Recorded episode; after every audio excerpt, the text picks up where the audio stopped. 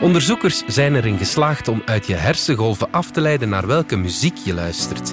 Kunnen ze dan ook je gedachten lezen? Verder hebben we het over het einde van de sms-standaard, over hoe AI eender welk lied kan laten zingen door bepaalde artiesten en over hoe aliens ons al ten tijde van de dino's hadden moeten vinden. Het is vrijdag 24 november. Ik ben Alexander Lippenveld en van de standaard is dit Bits en Atomen.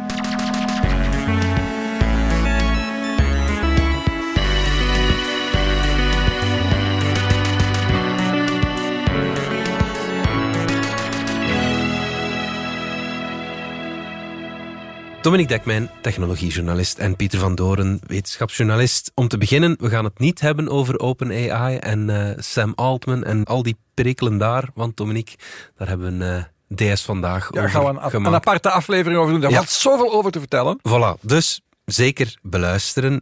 Daar gaat het uh, niet over vandaag. Maar Pieter, we beginnen bij jou. Onderzoekers zijn erin geslaagd om in het hoofd van een proefpersoon te kijken. Letterlijk ja. niet, want dat kunnen ze al lang, maar figuurlijk dus uh, deze keer. En inderdaad, ze hebben er muziek uit gehaald. Mm -hmm. We gaan even de test doen misschien. Ja. Even luisteren uh, wat uit het hoofd van zo'n... het was een epilepsiepatiënt, gereconstrueerd is. Daar gaan we.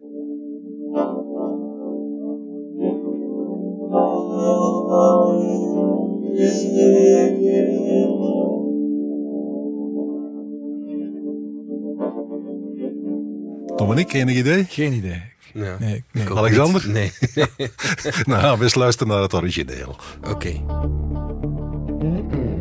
All it was just a break in the wall. En misschien het, uh, het andere nog een keertje.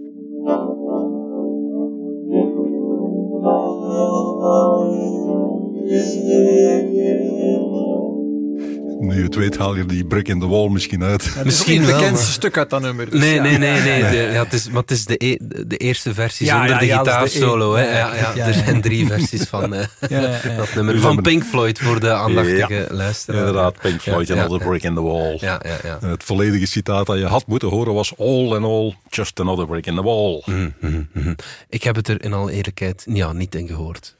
Nee, je moet echt uh, weten waar je naar luistert. Maar goed, uh, als je weet waar je naar luistert, dan zeg je, ah ja, tja, ja, inderdaad. Uh, ja. mm. Het ritme klopt, de melodie zit erin, de toonhoogte zitten ongeveer juist. Mhm. -hmm. Dus ja, ze hebben toch wel wat gedaan. -hmm. Dus voor de duidelijkheid, het is een reconstructie van wat mensen gehoord hebben, op basis van hersengolven. Ja. ja.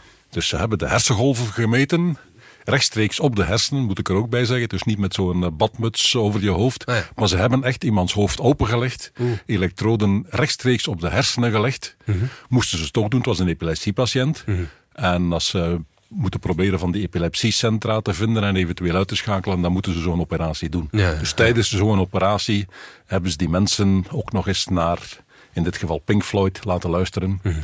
Hun hersengolven gereconstrueerd. En dan tegen een computer gezegd, hier is het origineel. Mm -hmm. Hier is uh, wat wij ervan maakten. Uh, probeer eens of je uit deze signalen kunt reconstrueren ja. wat het origineel was. Mm -hmm. Niet evident. Nee. Er is jaren aan gewerkt om zover te komen. Maar goed, hier zijn we dus. Mm -hmm. uh, waarom hebben ze Pink Floyd gekozen? Nu, in hun artikel zeggen ze het is een heel gelaagd nummer. Je kunt daar heel aparte instrumenten uithalen. Er zitten verschillende instrumenten in, er zitten verschillende ritmes in. Mhm. Mm -hmm. Het zit melodisch allemaal juist. Mm -hmm. Dus je kunt dat perfect uitleggen. Maar in werkelijkheid, als je ze het privé vraagt, dan zeggen ze... Nou, we zijn gewoon fans van Pink Floyd. gebeurt wel vaker in ja. de wetenschap dat ja. een emotionele keuze nadien in het artikel netjes gerationaliseerd wordt. Hier is dat ook zo. Mm -hmm. Nu, de, een van de auteurs van dit artikel, uh, Robert Knight, die heeft in uh, 2012 als eerst ook al woorden uit uh, menselijke hersenen gehaald. En dat lukt iets beter. Mm -hmm. Daar hebben we ook een uh, bestandje van. Ja. Waldo? Structure. Town. Doubt. Property. Pencil. Wat ja. hebben we gehoord, uh, Pieter? Je hoort hier een aantal uh, Engelse woorden in de originele stem. En wat uh, er meteen daarachter hoor je dan wat de computer eruit gehaald heeft. Ah, ja, ja, ja. En er zijn woorden waarvan je zegt, oké... eh, Ja, ik water, zou dat leek wel op water.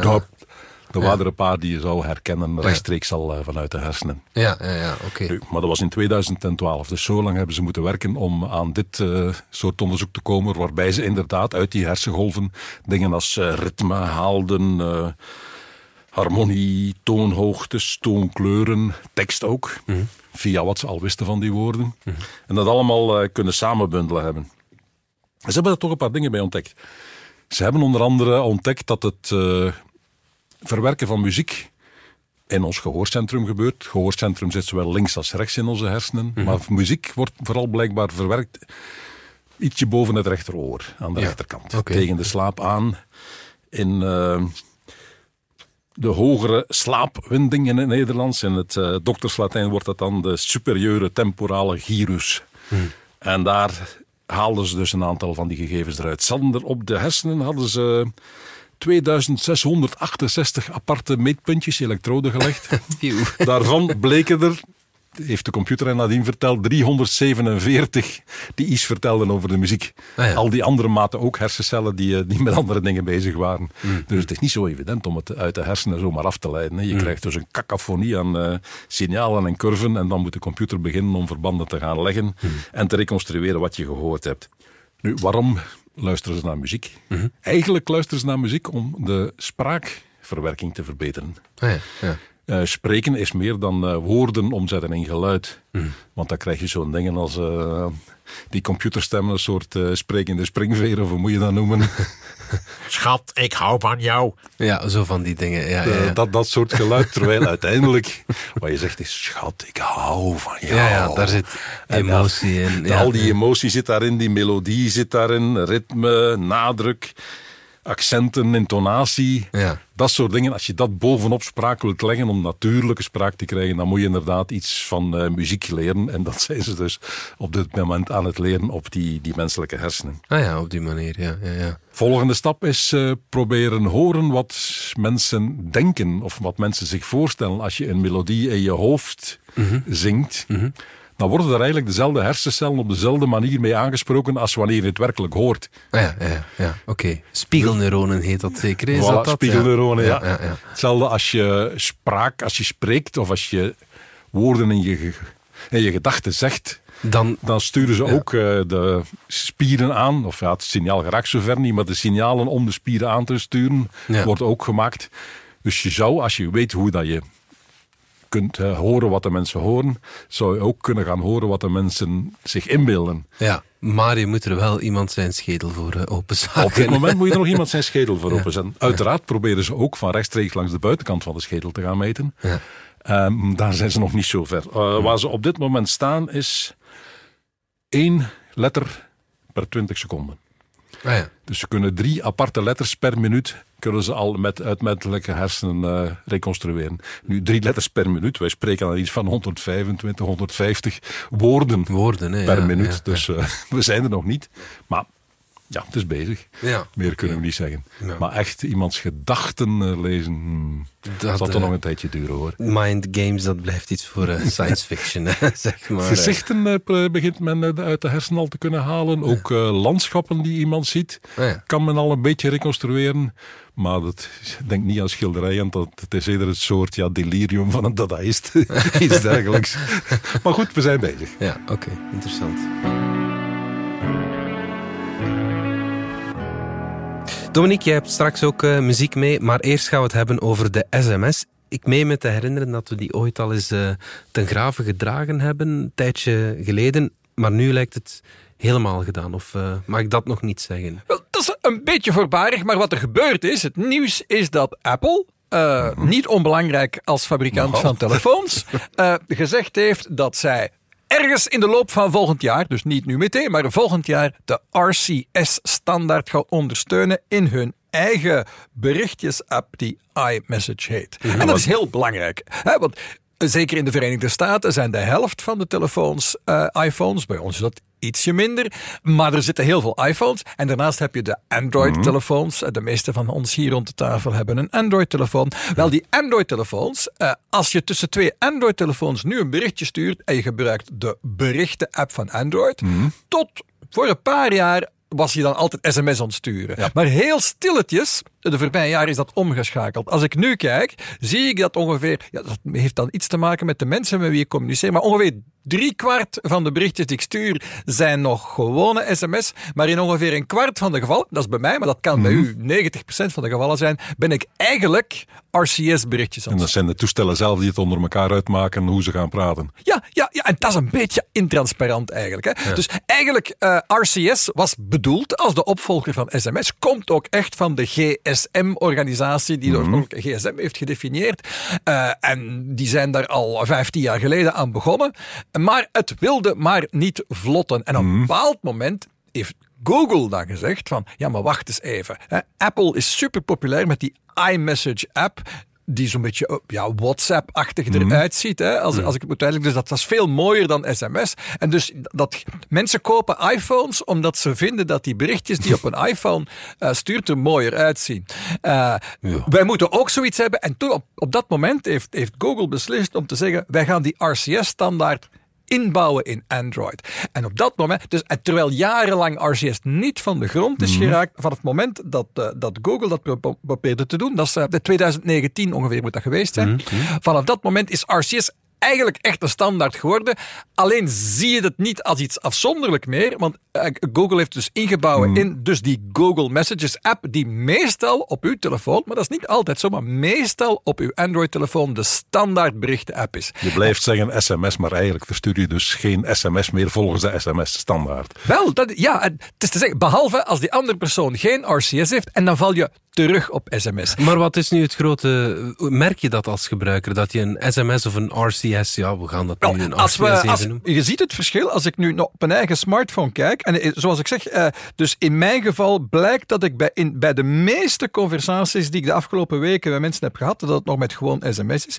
Dus je ziet wel in die berichten-app een klein verschil. Als je naar je eigen berichten kijkt, als ze donker gekleurd zijn, eh, in, in mijn geval, om een of andere reden, is dat donkerbruin, maar ik denk dat het meestal blauw is. Bij mij is het blauw, ja. Ja, maar dus bij mij geval, de donkerbruine zijn RCS en de lichtbruine zijn sms. Maar als ik bijvoorbeeld van iemand kan zien ah, dat hij aan het antwoorden is, dat er zelfs van die puntjes aan het dansen zijn, van kijk, hij gaat antwoorden, Ja, ja. eh, dan weet je dat je RCS bent. Want dat zit niet in een ja. sms-standaard. SMS-standaard stuurt eigenlijk gewoon een stukje tekst. En dan had je bovenop sms nog een, een extensie die MMS heette, die eigenlijk relatief weinig gebruikt wordt om een, een klein fotootje mee te sturen met Ja. een sms-bericht. Dat bestond.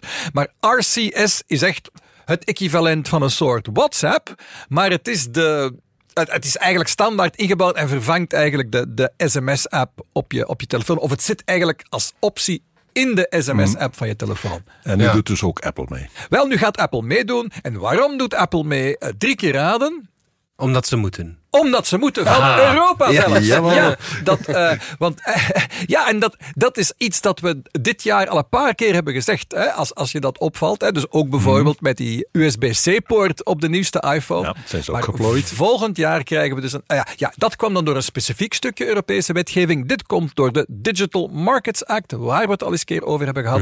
Een belangrijk stuk wetgeving dat zegt: als je eigenaar bent van een soort platform, hè, waar mensen afhankelijk van zijn, dan moet je dat platform openstellen zodat er nog concurrenten voor kunnen zijn. Dus Apple mag zijn iPhone niet helemaal voor zich houden. Het moet zorgen dat je ermee kunt connecteren. En dan, goh, wat zegt die wet letterlijk? Het is allemaal een beetje vaag. Maar in ieder geval, zoals Apple het interpreteert, of zou interpreteren, met die iMessage, ja, zullen ze dat een beetje moeten openstellen. Willen ze dan toelaten bijvoorbeeld dat je op je Android ook een iMessage-app krijgt en mee kunt praten met de andere iPhones? Nee, die richting willen ze niet uit. Maar ze zeggen van, ja, kijk, als we die basis RCS-functionaliteit aanbieden, dan is iedereen toch min of meer met elkaar in contact op een rijke manier. Dus meer dan alleen maar tekst.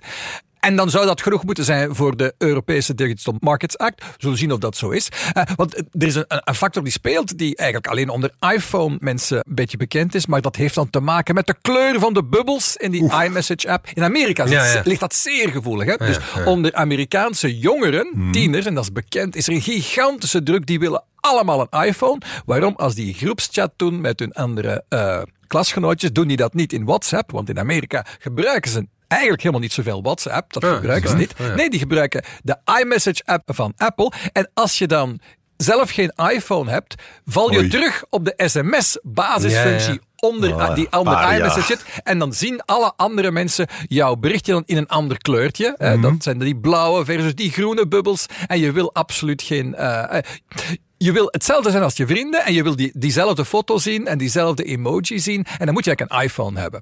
En het is eigenlijk daar dat Europa komaf mee wil maken door te verplichten. Nee, je mag niet op die manier je platform afsluiten en zo concurrentie onmogelijk maken. Want dat werkt. In Europa denk ik echt niet dat mensen specifiek een iPhone willen vanwege de kleur van het, het belletje in, in iMessage. ja, maar het kan in bepaalde gemeenschappen bij jongeren zo zijn. Maar niet, het is niet algemeen zo in België, maar in Amerika is het heel erg zo.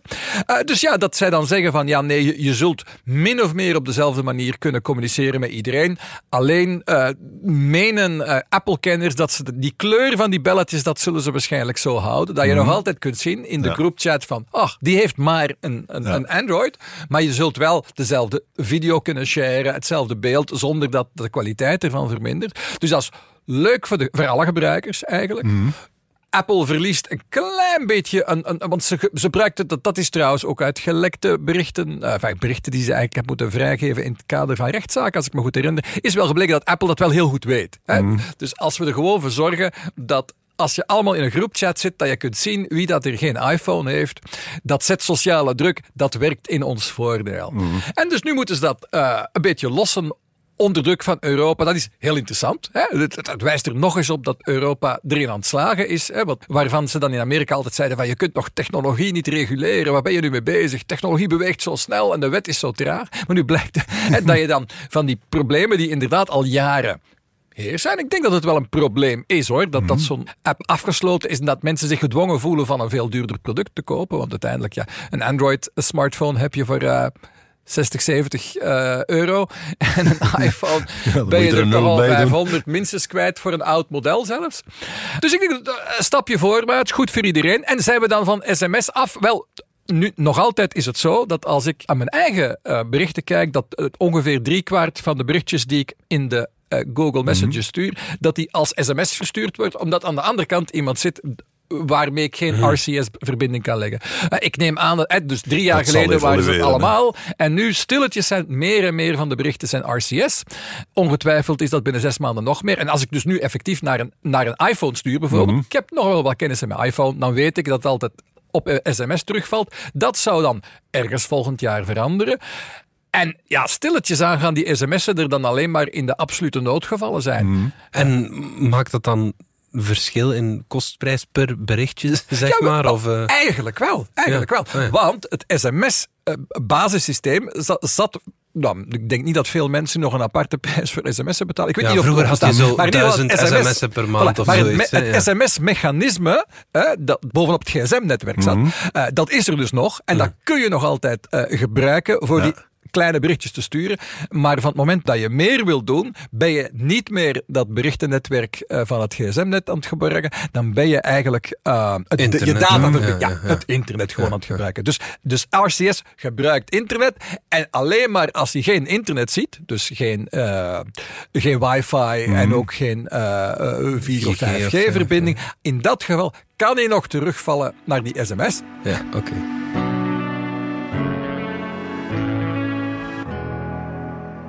Pieter, wij eh, turen voortdurend naar de ruimte op zoek naar leven. In principe zouden er ook buitenaardse wezens naar ons kunnen turen, maar dan hadden ze ons eigenlijk al heel lang geleden eh, moeten vinden. Ja, dat is een van de bizarre dingen in de, de speurtocht naar buitenaards leven. Waar zijn ze? Waarom zijn ze allang niet hier?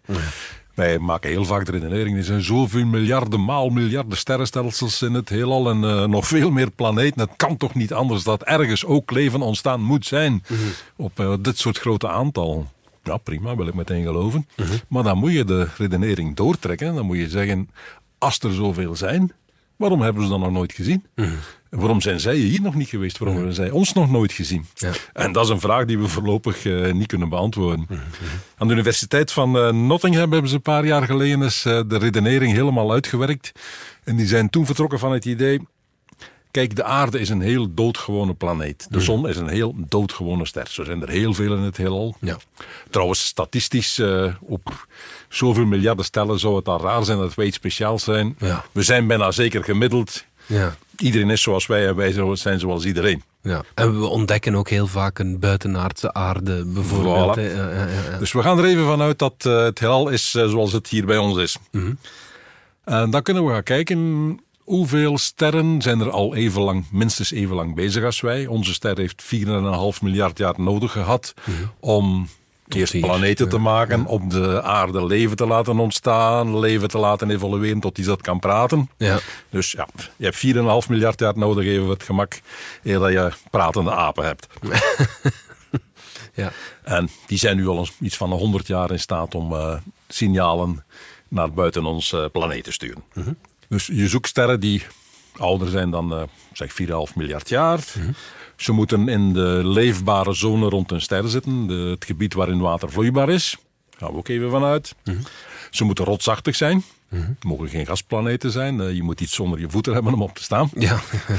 En daar, over dat soort dingen hebben we tegenwoordig genoeg cijfers. Eh, de sterrenkunde heeft al genoeg sterren en planeten ontdekt, omdat je daar cijfers zou kunnen opplakken. En dan kom je aan iets in ons heelal van een veertigtal eh, rotsachtige planeten die we al gevonden hebben, die aan die voorwaarden voldoen. Ehm, dan moet je nog gaan kijken van die tijd die er ondertussen beschikbaar is, hoeveel procent daarvan zou er leven aanwezig eh, geweest zijn. Wij zijn een, ja, een paar miljard jaar bezig. Is dat voor andere sterren ook zo? Van die paar miljard jaar, het percentage daarvan dat we intelligent bezig zijn, is heel klein. ja, heel klein. Ja, ja, ja. Dus je moet ook eh, dat percentage mee in rekening nemen. En zeggen ze, dan kom je voor het heelal, of voor onze melkweg liever, tussen de 4 en de 210 mogelijke sterren met leven. Ah ja, toch. Ja, Beste resultaat 36. ja. Dus in onze melkweg moeten iets van een 36 sterren zijn met leven. In Als- onze eigen in onze melkweg. eigen melkweg. Ja, ja. En als het overal is zoals het hier is. ja. Want daar zijn we eigenlijk helemaal niet zo zeker nee, nee. van. De meeste sterren waar we nu leuke planeten rond vinden, zijn niet zoals onze zon. Dat zijn rode dwergen, en dat is onze zon niet. Maar goed, 36 planeten. Dan zitten die, als ze netjes over de Melkweg verspreid zijn, op 17.000 lichtjaar van elkaar. Dus dat wil zeggen, als je met zo'n ster gaat praten, heen en terug, 34.000 jaar Ja. om antwoord te krijgen op jouw berichtje. Ja, oké. Binnen 34.000 jaar is er echt niemand die zich nog herinnert dat wij hier vandaag een berichtje verstuurd hebben, naar wie dan ook. Dus ja, echt veel communicatie zit er niet in. Nee. Maar het zou wel kunnen dat je van die sterren kunt zien dat er leven aanwezig is. En dan moet je gaan kijken in de atmosfeer. Ja, ja. Of tenminste zien dat er 17.000 jaar geleden leven was. Dat er Ja. 17.000 jaar geleden leven Ja, was. want die kijkt altijd Goed, dat terug is ook al meer dan we vandaag eh, ja. gevonden hebben. Ja. En dan als je zuurstof vindt in die atmosfeer is al een goede aanwijzing. Want zuurstof is een stof die zeer snel wegreageert. Dus als er zuurstof is, moet er bijna een continue bron zijn die altijd maar zuurstof bijmaakt om te compenseren voor die zuurstof die ook meteen weer verdwijnt, wegreageert. Ja. Hetzelfde heb je voor methaan, aardgas. Dat is ook zo'n stof die eh, bijna door leven gemaakt moet worden om continu in de atmosfeer te zitten. Dus je moet naar dat soort signalen gaan kijken. Kunnen we op dit moment bij aardachtige planeten nog niet. Ah, nee. We hebben een paar eh, atmosferen al gezien. Maar die zijn van veel grotere gasreuzen. Hoe groter het is, hoe gemakkelijker om ze te bekijken natuurlijk. Dus daar kunnen we de atmosfeer al van ontleden. Binnenkort zal het ook wel van aardachtige planeten lukken.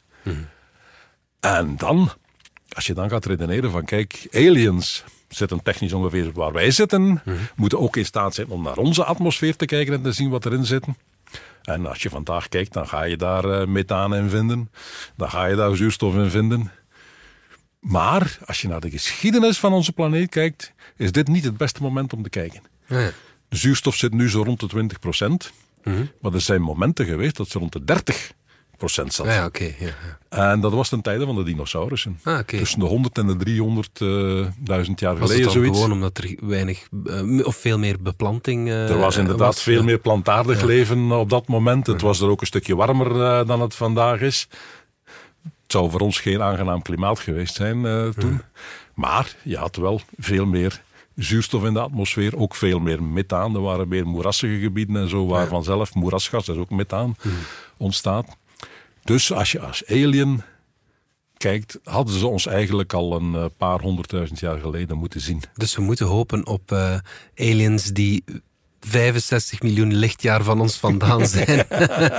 om iets goed eh, te zien of net iets meer. Ja, ja, of zelfs meer eh, miljoen ja. jaar, Ja, ja. 65 miljoen jaar. eh, Toen zijn ze hebben de dino's de kei op hun kop gekregen en was het gedaan. Dus de periode voordien. Ja, Wat ook wil zeggen dat die aliens al een hele tijd gehad hebben om ons te vinden. ja. En eh, even de bus te nemen om te komen kijken hoe het hier zit. hebben ze niet gedaan. Nee, hebben ze niet gedaan. ja. Wat de consequentie daarvan is, dat laat ik aan iedereen over. Ik vind dat ze niet genoeg hun best doen, die aliens. hè. Het is in elk geval hun schuld. Of het moet zijn dat ze ja, iets dommer zijn dan, dan jij. Dat zou ook kunnen. natuurlijk, ja. Of ze zijn veel slimmer dan wij. En ze hebben gezegd, die troep idioten, laat maar. Daar geef ik ze geen ongelijk in. Dominique, tijd voor eh, nog wat muziek. We luisteren even naar een eh, kort stukje. Baby, we've got nothing in common. But I know that I'm what you've been wanting for so Daar zit je al een tijdje mee in je Ik was, ik was. Ja. Ja, ik was het er net, was ik het echt aan het neurien toen ik hier binnenkwam. Ik had het voor het, nou, dus even beluisteren. Maar dit is dus, tenminste dat beweert Google, volledig door AI gegenereerd. Oké. Niet dat, dus, dat wil zeggen, de tekst, baby we've got nothing in common. De melodie die die man zingt, en het is geen man.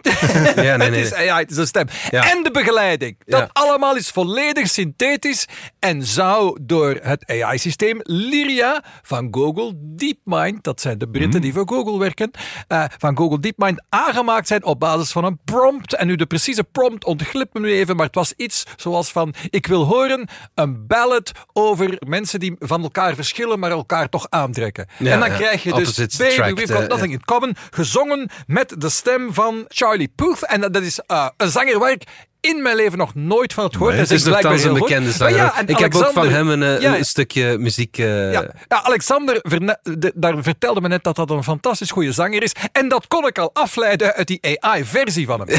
maar, dus er zijn heel veel Wacht, interessante even, dingen. zo klinkt hij in het echt I trouwens. just want attention. You don't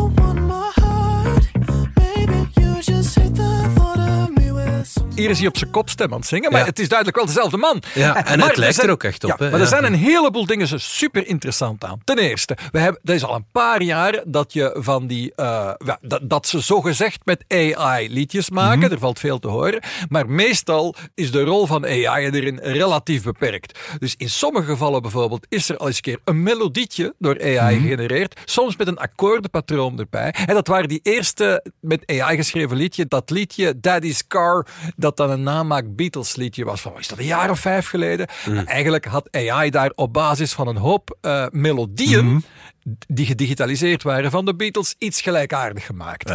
En daar had dan een arrangeur een arrangement van gemaakt, maar dat was door een mens gebeurd en dan hadden ze dat allemaal gebracht met echte zangers. Eh, dus als ze toen, als ze vijf jaar geleden zeiden, we gaan een muziekje eh, met AI gemaakt, dan speelde die AI, een kleine rol.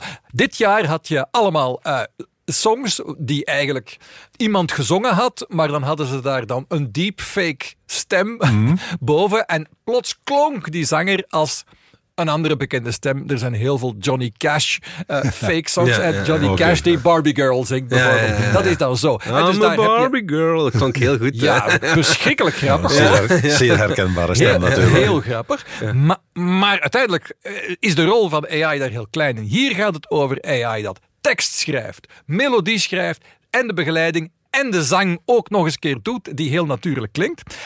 Dat al is een doorbraak, als het echt klopt. Hè, als ze, want je kunt het nog niet zelf uitproberen. Ze gaan het aan een kleine groep mensen nu uit laten proberen, eh, dit. Eh, en het heet nu een Dream Track. Hè. Dus de onderliggende eh, technologie is die Lyria muziektechnologie van DeepMind dus. Maar ze hebben er nu een product van gemaakt dat ze gaan aanbieden aan mensen die filmpjes op, op, eh, op YouTube zetten. Namelijk van die hele korte filmpjes, van die, van die namaak TikToks eigenlijk. Ja, hè. ja. Dus de namaak TikTok. Dus eigenlijk gaat Google nu zijn AI gebruiken om zijn namaak TikTok, hè, eh, Google Shorts, eh, aantrekkelijker te maken voor. En gaat zeggen van je kan op maat voor je eigen filmpje een nieuwe song laten componeren in de stijl van. Dat is het andere interessante nieuwe. Ze doen dat met een aantal, met negen in totaal eh, artiesten, waaronder eh, dus de stem die we net hoorden, maar bijvoorbeeld ook Demi Lovato doet mee. En eh, John Legend, ook een, een, een bekende naam. En dan ook nog een, sti- een stuk of zes mensen waar ik nog nooit van gehoord heb, maar die vast ook wel best populair zijn. maar dat zegt meer eigenlijk over mij dan, dan, dan over die muzikanten hoor, dat ik ze niet ken. Nou, misschien ook iets over de muzikanten. Dat betekent dat de grote jongens toch nog eh, liever niet meedoen. Wow, John Legend, eh, Demi. Lovato en Ja, die. Charlie Puth ook. Dat zijn toch grote namen. Het is hè? niet de Ja. abs- enfin, het, het, het is niet. ehm, Het, het is niet eh, Meteor, bijvoorbeeld. Voilà. Eh, het, het zijn niet de absolute toppers, maar, maar toch wel bekende namen. En het zijn er negen. En die hebben eh, dus beslist dat ze dat mee gaan doen. En vermoedelijk ook krijgen ze daar dan eh, wat geld voor. Hoeveel, weten we niet. En daarmee is ook een interessante eh, trend gezet. Hè. Dus Google zegt nu eigenlijk, YouTube zegt, hè, maar het is allemaal één bedrijf. Dus je hebt YouTube de video's, je hebt Google het overkoepelende bedrijf dan eigenlijk. Dan zit dan nog die groep Alphabet boven. En dan heb je DeepMind, dat zijn die AI-specialisten. En ze gebruiken dus nu hun AI eigenlijk om YouTube wat aantrekkelijker te maken. Dat is heel interessant. Maar wat ze eigenlijk aan het zeggen zijn rond die AI is van je kan fantastische dingen doen qua muziek, maar wij gaan dat allemaal mooi regelen en dan mag het ook. En dus eh, Johnny Cash zit er niet bij. Dus, ja, die kan eh, ook geen toestemming Ah, mee ah, geven dus, dus, voilà, dus een bekende song van nu opeens laten inzingen met de stem van Johnny Cash. Of eh, met de stem van Homer Iemand. Simpson. Simpson is ook eentje, eentje die, die je va- vaak hoort. Ja. Heel grappig. Ja, Homer. Simpson, die, die dan, wat was dat, een Nirvana-nummer zingt geloof ik. Super grappig dat, super grappig dat soort dingen. Maar dat, dat mag je dus, dat kan je dus allemaal zelf doen.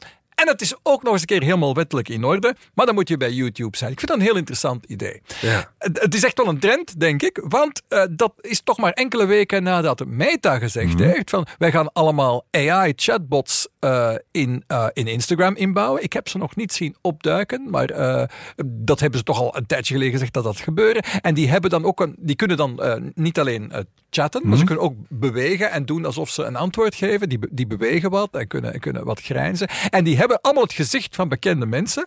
Onder andere een Snoop Dogg. Dan heb je dan een synthetische Snoop Dogg, die tegen je dan begint te praten. Eh, ze hadden ook e- een van de Kardashians, maar ik wil er vanaf zijn. Eh, maar nog een paar, en, en, en een paar bekende sportlui waar ik nog nooit van gehoord heb. Maar dus best wel bekende mensen, Snoop Dogg tenminste al. die, die die, dan, die dan hun evenbeeld en hun stem lenen aan een AI. En, en dan mag het. En dan mag het wel. En daar zullen ze wel en- dik en- betaald voor zijn ook, eh, ja, denk ik. eh, ja, precies. We weten Ja. niet precies hoeveel, maar de, de, de, enfin, de, de, het vermoeden was dat het over de honderdduizenden dollars ging. Ja, Eerder dan miljoenen, maar dus ook geen, ook geen klein geld. Je Ehm, verkoopt jezelf uiteindelijk. Hè? Dat is toch ja, ja, geen ja, kleine ja, ja. beslissing. Ja, ja, ja. heel, eh, maar voilà, dus die bedragen kennen we niet, kennen we niet officieel. Ja, ja. En, ehm, Je weet, maar Dominique, we- dat ze van mijn stem ook zo'n AI-kloon aan het maken ja, zijn. ja, dus, ja, ja, wij horen dat. Ik ga we mijn boekhouder toch benieuwd eens van bellen. eh, maar ja, voilà. maar de- dus een, een, een- interessante evolutie dat we nu zien, inderdaad, is dat die grote bedrijven zeggen van als je die dingen bij ons komt doen, is het allemaal in orde, is het afgedekt en eh, dan... eh, en die mensen zijn betaald. En dan mag het. Eh, en ik denk dat dat een interessant idee is. Want op dit moment is nooit helemaal duidelijk hoe dat nu zit met auteursrechten. Hè. Die, die man die da- die song had gemaakt met de, met de nagemaakte stemmen van The Weeknd en Drake. Ja, die mocht dat niet.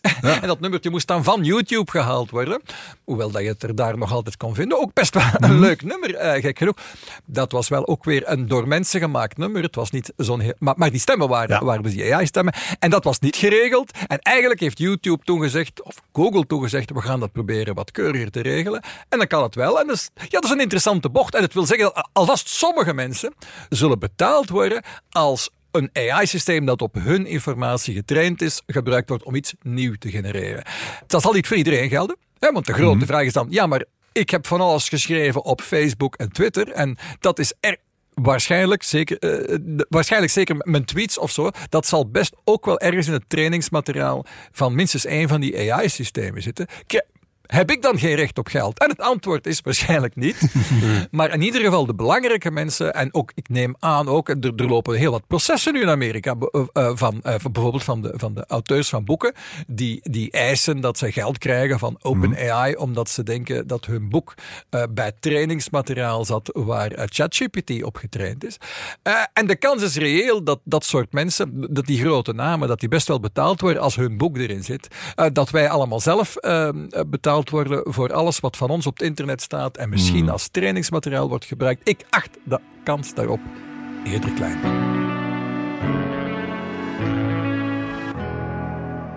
Tot slot de ster van de week. Pieter, een eh, klapband, dat wil niemand meemaken, maar zeker niet als je landt met een eh, ruimteveer. Maar die kans was daar toch wel vrij groot bij. eh. Ja. ja. We gaan een beetje weg van de sterrenkunde. We zitten al in de ruimtevaart. Ja. Maar het, het verhaal was te sappig om het niet eh, mee te nemen. Het is eigenlijk al een oud verhaal. Het ruimteveer is al een hele tijd eh, niet meer in gebruik. Maar het duikt nu pas op. Eh, Scientific American is er tegenop gelopen. En ik ben weer in Scientific American gedoken. Wat is er aan de hand? Space Shuttle, ruimteveer, was een draak van een toestel. Daar is iedereen die er ooit mee gevlogen heeft het over eens. Ja. Elke astronaut die ermee gevlogen heeft, die zegt het had de aerodynamica van een baksteen. ze zijn er allemaal uiterst trots op dat ze ermee gevlogen hebben. Ja, het Want wel iets iconisch. Je moet een verdomd goede piloot zijn om met dat ding te landen zonder dat je crasht. Ah ja. Dus als je kunt zeggen, ik heb met zo'n ruimteveer gevlogen, dan zit je bij de wereldtop. Ja, oké. Ja, ja. Nu, dat kwam omdat dat ding veel te goedkoop gemaakt geweest is. En eh, ze hebben daar heel veel compromissen moeten voor sluiten om het eh, gemaakt te krijgen. Een van de problemen bijvoorbeeld was het landingsstel. Dat ding komt neer met drie keer de kracht van een jumbojet. Oef, dus een, aan hoge snelheid. Dus een enorme klap als die banden tegen de grond gaan.